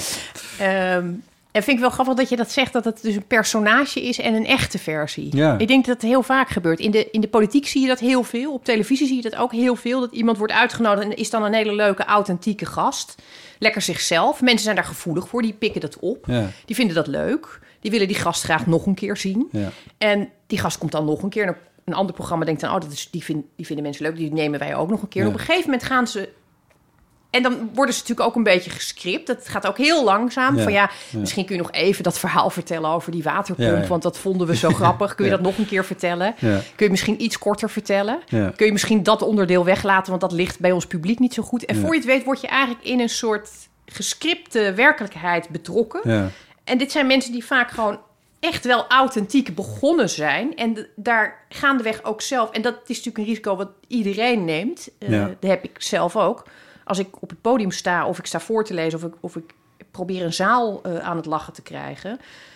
Ja, soms, ik heb het één keer gehad, dat kan ik nu wel vertellen, we zijn toch met z'n drieën. We zijn met z'n drieën. Eh, ik heb dat één keer gehad, toen had ik net eh, te horen gekregen dat de plek waar ik dacht dat mijn vader begraven lag, dat dat niet de plek was waar hij begraven lag, was een andere begraafplaats. Oh, Je vraagt je af, hoe kan daar verwarring over ontstaan? ja. Dat is een nieuw nou boek. ja, mijn, mijn moeder heeft, heeft soms een beetje een rommelig hoofd en die was, had zich gewoon vergist. Daar kwam het eigenlijk op neer. Het was, het was niet, ja, waar heb je je man ook weer begraven? Ja. Nou, eh, dat was natuurlijk ook gewoon een beetje pijnlijk. Ja. En het was persoonlijk en het was net gebeurd. En ik stond, eh, ik denk een halve middag later, stond ik op het podium en ik vertel heel vaak grapjes tussendoor, vertel verhalen tussendoor. En dan doe ik die gedichten eigenlijk als ja, legitimatie van mijn aanwezigheid. Ja. Maar het gaat me eigenlijk om iets anders. Dus ik zat het te vertellen. En ineens hoorde ik mezelf dus die grap maken over... ja, iedereen vergeet wel eens waar, waar, waar ze hun man hebben begraven. Hè? Dat kan gebeuren. Zo'n soort... En toen ergens dacht ik... wacht even, is dit al een grap? Hmm. Is dit eh, niet misschien ook privé? Is het niet pijnlijk? Is het, waarom is dit al een grap geworden ineens? Hoe komt dit? Wat gebeurt hier nu precies? Dus ik registreerde het nog net wel... maar het gebeurde al wel. Ja, Toen dacht ik, oh, dit is blijkbaar hoe dit werkt. Je, je zet het onmiddellijk in. ja. Het was ook grappig. Ik bedoel, ja, zoals ik het toen vertelde, was het heel grappig. Het is ook grappig. Maar het was ook nog helemaal niet door de ballotage van... wil ik dit eigenlijk wel Nee. inzetten of delen. Het wat- gebeurde ja. gewoon heel Ja, snel. Toen, nou, dat, dat moment is me wel bijgebleven. Dat ik me realiseerde, dit, dit is dus blijkbaar hoe dat werkt. En, en dat jij dus kennelijk ook een podiumpersonage hebt. Ja. Op een zeker punt. En ja. die stoorde zich daar helemaal niet aan. Die vond het blijkbaar Ja. materiaal. En ik heb daar zelf een hele andere opvatting Oh, over. Oh, wauw. Dus ik, dat, eh, ja, en dit is maar een heel, het is niet zo dat, dat ik natuurlijk, eh, Nee, je wil niet met- voor een, ja, snap je? Of een soort Hitler ik kan me werd, nee. dat dat heel In heftig inbeukt op je Ja. gevoel van eh, eenheid, zeg maar. Dat je Ja, en op als je gaat die- splitsen, dat het bijna wel moet met, met Ja, of dat je die vraag op een gegeven moment niet meer stelt. Van wie ben ik nou? ja. ja, of je hebt een soort aan- en uitknop. Ja. Ja, dat, wordt dat wordt ook wel van... Dat wordt dan ook weer van Jomanda gezegd. Van, eh, op een gegeven moment dan is zij... eh, je, je, je hebt de mens Joken en het fenomeen Jomanda. En op een gegeven moment is ze die mens Joken helemaal kwijt, zeg maar. En dan Hmm. gaat het ook helemaal mis met haar. Maar eh, niet om eindeloos door te zeuren over Jomanda. Nee, liever niet. Maar eh, ehm, het is wel een interessant gegeven. Maar hebben we dat bij, de, bij, bij deze podcast niet ook, Botten? Dat wij personages zijn geworden. Nou, personages zijn geworden. Je, hebt de, je kan heel ver uit elkaar zitten of een klein beetje, denk ik. ja.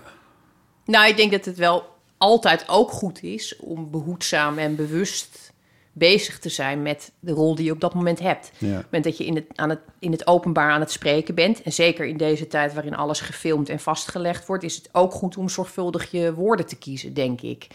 Dus in die zin is het ook slim om tot Ja. op zekere hoogte dat als een personage te beschouwen. Van Ja. die rol heb ik en in die rol ga ik niet dit en dat en dat en dat benoemen. ja.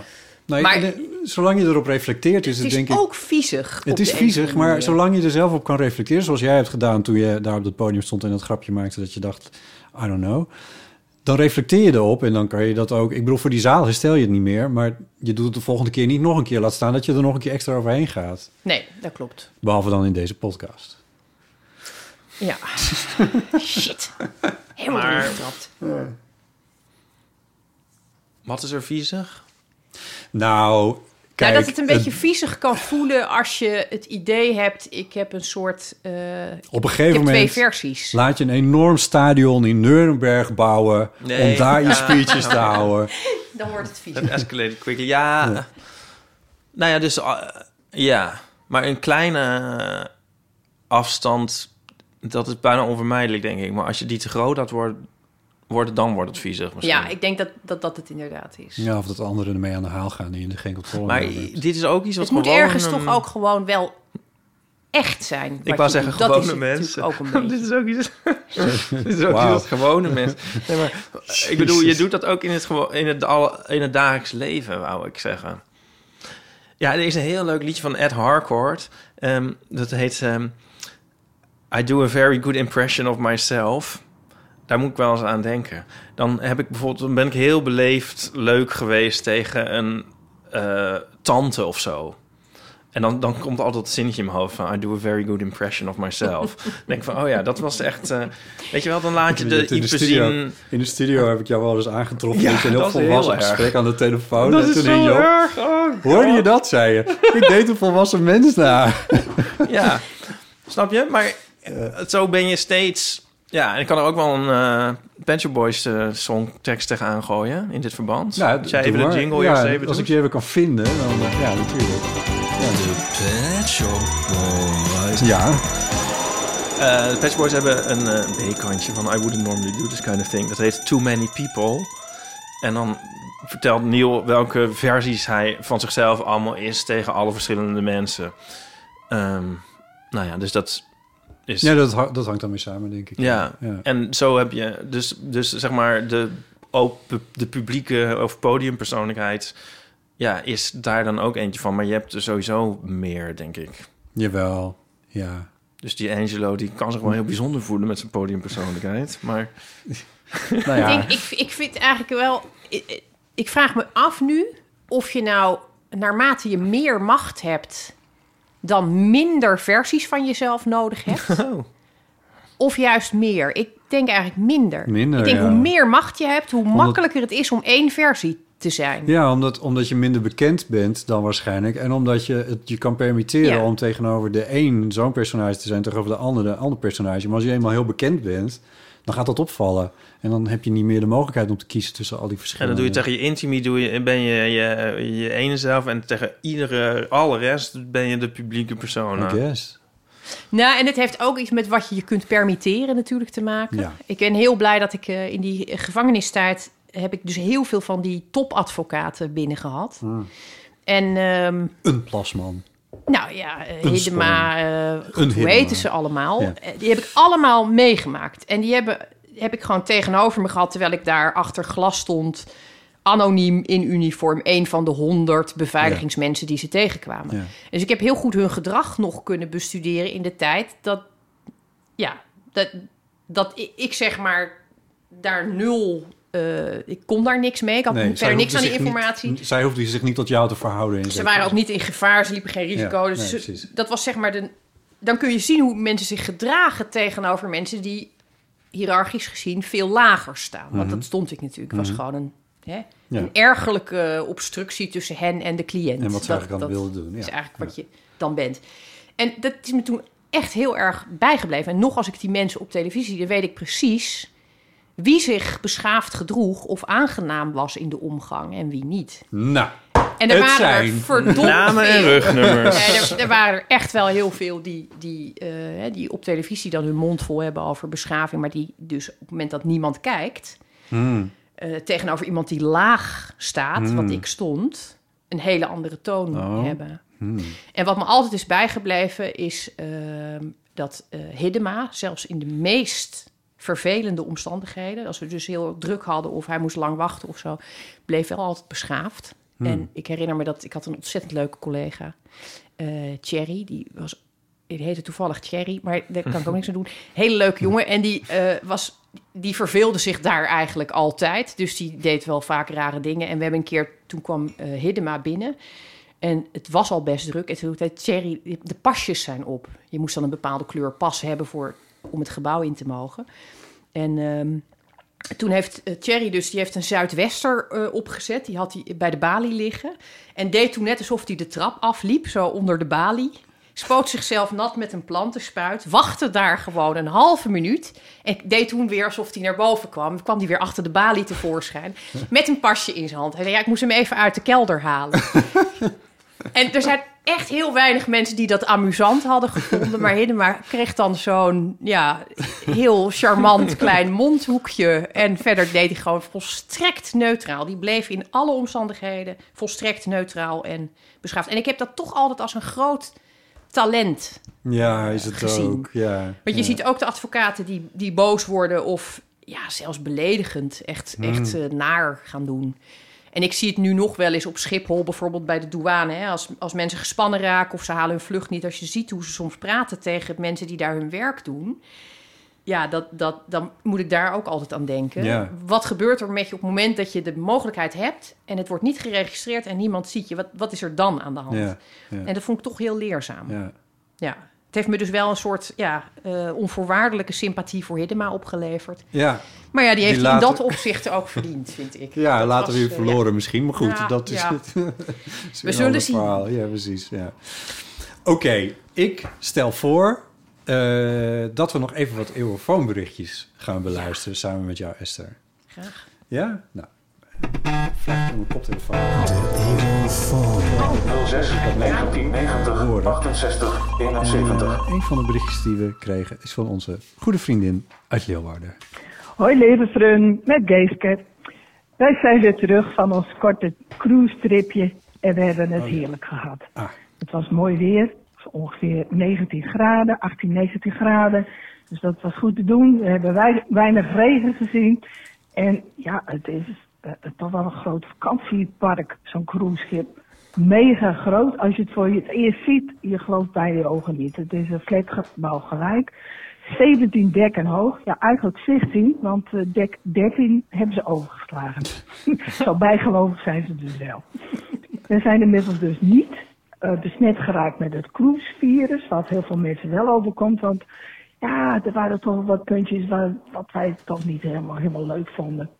Sowieso konden we bijvoorbeeld niet aanmeren in Ventura, omdat daar te veel wind stond en dat schip dan niet aan de kade kon aanleggen, want dan was het dat schip dan weer te groot voor. En wij hadden die dagen een uitstapje gepland ah, eh, op het eiland. Ja, dan moet je verplicht aan boord blijven. En ja, dat valt dan toch een beetje tegen. En ook al kan je dan wat zwemmen in de poedelbaardjes. Of eh, je gaat dus even naar het casino. Of je zoekt een lekkere loungestoel op het dek met een leuk boek. Ja, dat gaat allemaal prima. Maar dat was niet helemaal gepland. En ja, er zijn wel heel veel mensen op zo'n schip. Vijf, 5000 mensen kunnen erop. En die zaten er ook wel op. Waarvan, denk ik, 80% Duitsers. Het is een Duitse maatschappij, uh, het schip van vaart, de AIDA Nova. En daar wordt zeer veel Duits gesproken. Eh, heel weinig Engels. En eh, eh, onze kapitein die, v- ja, die verrast ons ook elke keer met leuke mededelingen over de intercom. Dat kwam een heel hard binnen, ook al als je, als je in je cabine was. Van Goedemorgen, zeer geëerde lieve gasten en bla bla bla bla bla. Nou ja, niet helemaal ons ding. Ja, ja, er zijn 17 restaurants op het schip, 17. En toch moet je zoeken om een tafeltje. Zo druk is het dan. Vonden we niet helemaal echt eh, geweldig. En ja, we misten toch een beetje onze vrijheid dat je niet kan doen en laten wat je wilt. En eh, als je een paar dekken eh, op en neer bent geweest, ja, dan heb je je uitje ook alweer gehad. Maar goed, eh, eh, laat ik niet te veel uit de school klappen. Ik heb wel een reisverslag gemaakt. Dus als jullie meer willen weten, nou, dan, dan kan ik altijd nog even uit eigen werk eh, citeren. Maar wij zijn in ieder geval heerlijk uitgerust en thuisgekomen. Jongens, weer een hele fijne uitzending. Veel plezier met elkaar. Doeg! Ja, dankjewel, Geeske. Ben jij ooit op een cruise geweest? Nee, ik, ik, ik moet zeggen, alles wat zij omschrijft, daar ben ik ook bang dat dat het is. Dus ik zie dan voor me dat het een soort flatgebouw is, Ja. vol Duitsers, Ja. maar dan omringd door water, waardoor je er niet uit kan. Ja. Het, ja, het, Ja. het lijkt me niet aanlokkelijk, Nee. eerlijk gezegd. En ja, casino's en eh, nachtclubs en feestjes heb ik ook nog nooit eh, vrijwillig, eh, ben ik nooit vrijwillig heen gegaan. Dus het, het is, ik denk, alles wat ik niet moet doen in één groot pakket. Ja. Ja. ja, ja, dat concluderen wij ook ongeveer, ja. Althans ik. Maar zo'n Duitse intercom, s ochtends, lijkt me dan wel weer op een bepaald niveau ook. Wat weer grappig. Ja, Ik ben dus ooit op Gran Canaria geweest. En daar was het ook eh, op de helft van het eiland de voertaal Duits, zo'n beetje. En dat vond ik op de een of andere manier wel heel gezellig. het had wel wat. Oh god. Ehm, even kijken, we hebben nog een berichtje binnengekregen. Ehm, even kijken, dat ging over die... We, we hadden het de vorige keer gehad over die t-shirts, hè? Ja, Eh, van beentjes en zo. Ik ben even kwijt hoe ja nou precies... en het, in White Lotus had iemand een uh, Orchestral Maneuvers in the Dark t-shirt aan. Hey Botte en Ipe, ik eh, kom net terug eh, van het werken op de open dag eh, van mijn middelbare school. En eh, ik eh, sloeg een beetje aan op jullie eh, shirtjes. Want ik denk dat ik echt heel veel eh, groep achters heb zien lopen met ACDC shirtjes. Dus eh, ja, kinderen vinden het blijkbaar heel hip om dingen die hun ouders slash opa's, oma's, nee, in ieder geval oude mensen leuk vonden te dragen. En ja, ik heb net even gecheckt, maar het boek wat ik al heel lang niet gelezen heb, is De Hemel van de Paus. Ik heb dat gekocht in 2005, dat is dus inmiddels 18 jaar geleden. ik geef kunstvakken op eh, de school waar ik net heb eh, gestaan, ook voor de open dag. Ik werk daar ook al heel lang. En De Hemel van de Paus gaat over eh, Michelangelo en de Sixtijnse kapel. En ja, ik ben er 18 jaar aan geleden begonnen en ik kwam er gewoon niet doorheen. En over het algemeen le- leid ik niet aan de leesziekte. Maar misschien moet ik het eh, nog eens een keer oppassen, pakken, want het eh, staat wel in eh, mijn boekenkast. Dus eh, ik heb het nog steeds niet weggedaan. Eh, ja, ik weet niet. Misschien moet ik er toch maar eens een keer aan gaan beginnen. En eh, is het toch echt wel de moeite waard. Fijne uitzending. Doei doei. Of niet. De, Heb jij ook zo'n boek? Ja, meerdere, maar ik heb ooit eh, advies gekregen van Nico Dros, de schrijver. Die zei, als het lang genoeg in je kast staat, heb je het ook gelezen. Oh. En sindsdien ben ik daar zo ja, kalm over geworden. ja. Ja. Oh, wat En heerlijk. ik moet wel zeggen dat de afgelopen jaren is het echt heel erg geworden qua niet lezen. Omdat er gewoon geen, geen tijd of rust is. Hmm. En ik ben nu wel van plan, eh, ja, misschien ga ik, ga ik Twitter er helemaal uitgooien. En weer eens gewoon, eh, weet je, de, de tijd die je daarmee wint. Ja. Ja, het is, dat is natuurlijk het dat het zo gefragmenteerd is altijd. Social media kan overal tussendoor en lezen gewoon niet. Nee. Eh, maar het, het moet nu echt wel weer terug. Want ik, ik mis gewoon. eh, ik mis de, de tijd die je erin doorbrengt. Maar ik heb geen schuldgevoelens naar boeken. Of Oh, niet ja. vaak. Oh, nou ja, dat scheelt al. En ik vind het ook altijd heel lekker dat ik er veel heb die ik nog niet heb gelezen. Omdat ik dan denk, als, ja, dat is heel raar. als er een kernbom valt, dan kan ik nog lekker al die boeken uit gaan lezen. Want dan gaan we er toch aan. Of dan is er niks meer te doen. Nou ja, zo'n soort eh, idee heb ik erbij. Oké. Een beetje wat, wat Ipe heeft, dat hij alle afleveringen gaat terug gedachte. luisteren na zijn pensioen. Dat heb Ja. ik met die boeken. Ja, is heel geruststellend, ja. We hebben ook nog een quoteje van Jonica over dit onderwerp. Ja. Ehm, die eh, las Time and Time Again van Ben Elton. En daar trof zij de volgende, nou zeg maar rust, passage in aan. It was said of Sengupta's book that it was easier to find a Higgs boson particle without the assistance of a hadron collider than it was to find anyone who'd got past the third page. Oh dear. Ja. eh, en nog een berichtje van eh, Maria Kruikamp. Hey Botte en Ipe, Maria Kruikamp hier. Jullie hadden het erover dat het zo erg kan zijn om naar een bouwmarkt te gaan. Ja. Nou, dat heb ik dus met gitaarwinkels. Oh, de horror als ik daar naartoe moet. En ik wil dat dus ook nooit in mijn eentje eigenlijk naar binnen. En ik heb het echt al vanaf het begin. De eerste keer dat ik een gitaar ging kopen, eh, of tenminste een akoestische gitaar, dat was tien jaar geleden of zo. Toen kon ik echt niet goed gitaar spelen. En dan moet je dus aan zo'n jongen vragen van, nou, ik wil die gitaar uitproberen. En dan pakt hij hem zo uit het rek en dan is het, eh, ja, ja, ik stem hem wel even voor je. En dan stemmen ze hem zo ook zo heel soepel en makkelijk. En dan gaan ze nog even heel nonchalant, omdat ze het gewoon gewoonweg niet kunnen laten, dan nog even zo een enorm ingewikkelde gitaarsolo over die hele hals heen en weer spelen. En dan krijg je hem in je handen van, nou, probeer maar of het wat voor je is. Ja.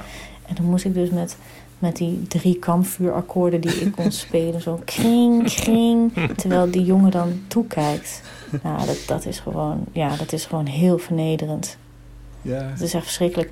En het wordt ook niet beter, hè, want inmiddels eh, ja, speel ik gewoon meerdere keren per week over het algemeen in het openbaar gitaar op een podium. Maar zelfs nu durf ik eigenlijk niet naar gitaarwinkels. En laatst moest het gewoon. Er was even geen, geen mogelijkheid. Ik moest het alleen doen. En ik had wel hele duidelijke instructies wat ik precies moest zeggen en vragen. Maar gingen ze dingen terugvragen waar ik natuurlijk geen antwoord op had. Dus ik viel gewoon gelijk al door de mand.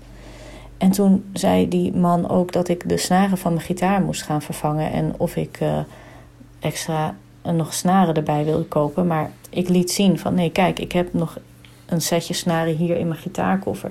Nou, toen kwam dus een heel verhaal over dat die snaren die ik had, nou, dat waren wel echt de aller, aller slechtste rotsnaren die er bestonden. En, en dat hij niet kon begrijpen hoe iemand dat soort snaren op zijn gitaar wilde hebben.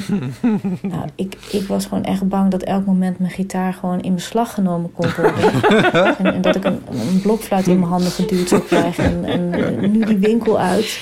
Want jij eh, bent een eh, snaarinstrument onwaardig. Ga hier maar op spelen.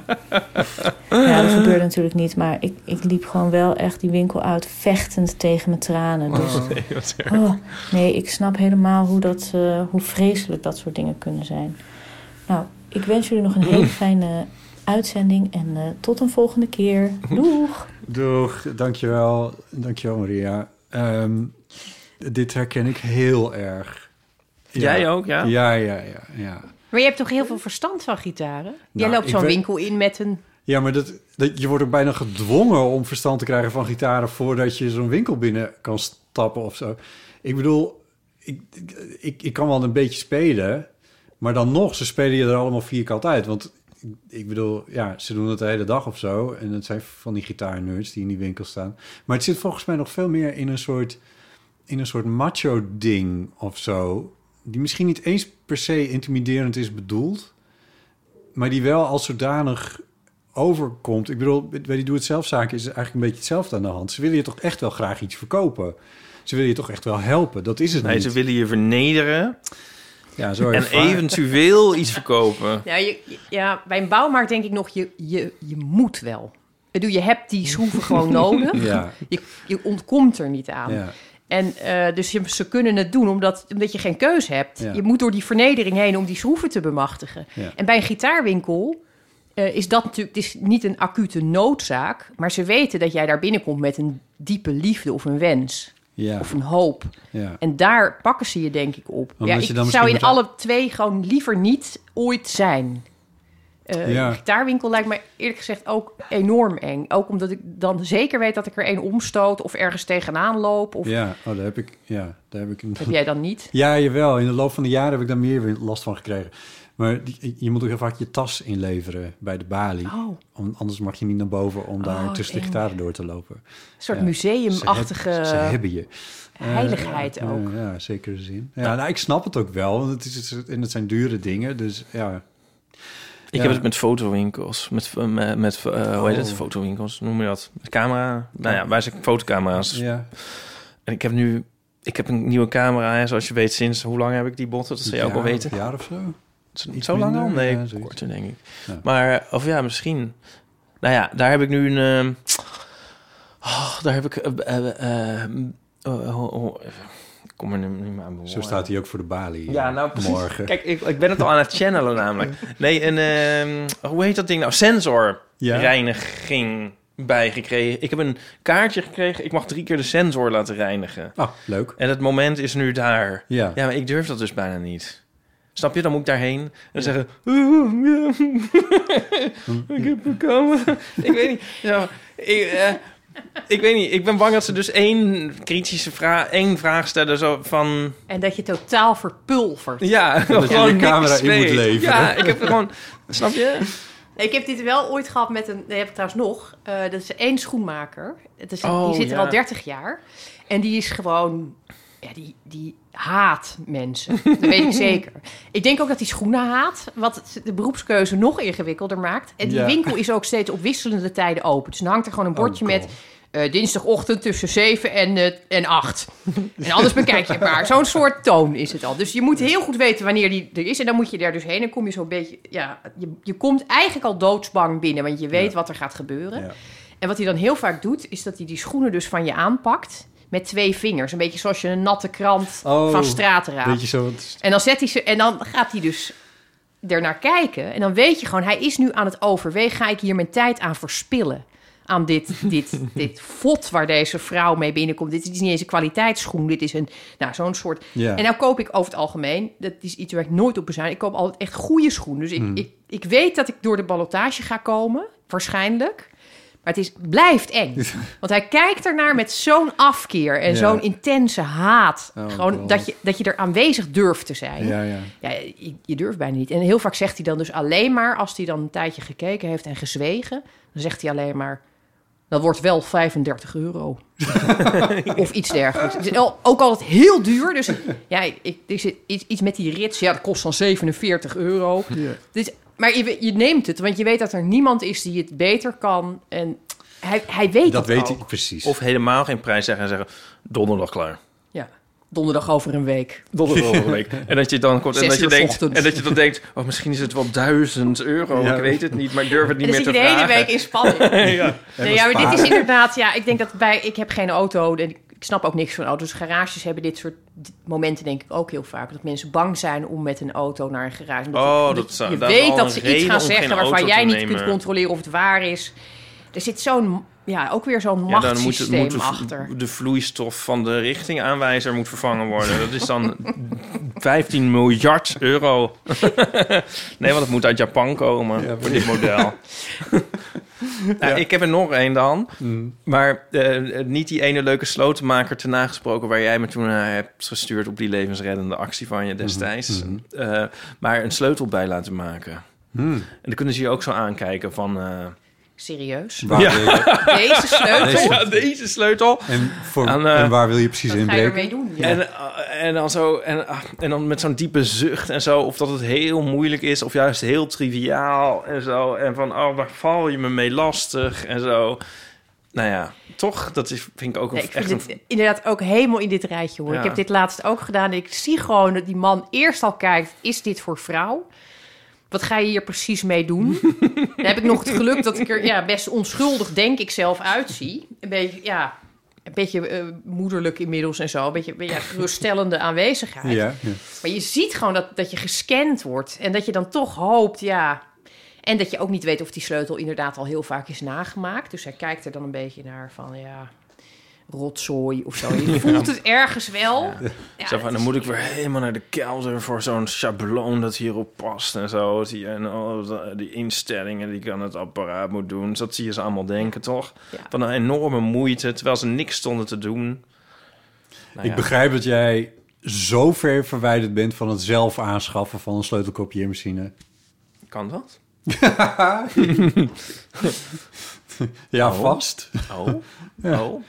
Ik vertrouw soms die apparaten dan ook niet. Dat heb ik bij de schoenmaker dus ook, maar ook bij de sleutelmaker. Zijn trouwens heel vaak dezelfde types. Ja, dat vaak vind is ik het dat ook één bedrijf Één bedrijf, dan, ja, zo kom ik er ook op. Maar ja. dat die, die, die machines, dan leggen ze zo'n sleutel dus ergens in en dan hoor je heel veel herrie. Mhm. En ik denk altijd, misschien is het wel gewoon een... Weet je, is het gewoon een soort kopieerapparaat met staal. Dus dat er gewoon een kopietje uitrolt. Dat die gewoon die herrie maakt om nog een beetje een soort sfeer van werkzaamheden Ja, ja, ja, te geven. Zoals sommige espresso-apparaten, die maken ook veel meer herrie dan, Dan strikt noodzakelijk ja, is. ook. Dat je gewoon weet dat is er ingebouwd om ja, een overtuigende indruk eh, te wekken in het eetcafé. Van nou, dit is echt heel veel werk hoor, Ja. die bonen en Ja, eh, wat ja. wij hier allemaal malen. Ja. Terwijl het eigenlijk gewoon een druk op de knop is. Dus ik, dat is ook vaak dat die apparaten dan denk, ja, je ziet ze ook nooit ergens anders. Alleen bij de, bij de sleutelmaker Ja, je heeft weet niet wat erachter is. Misschien zit er gewoon iemand... Misschien zit er wel een gevangen dier in.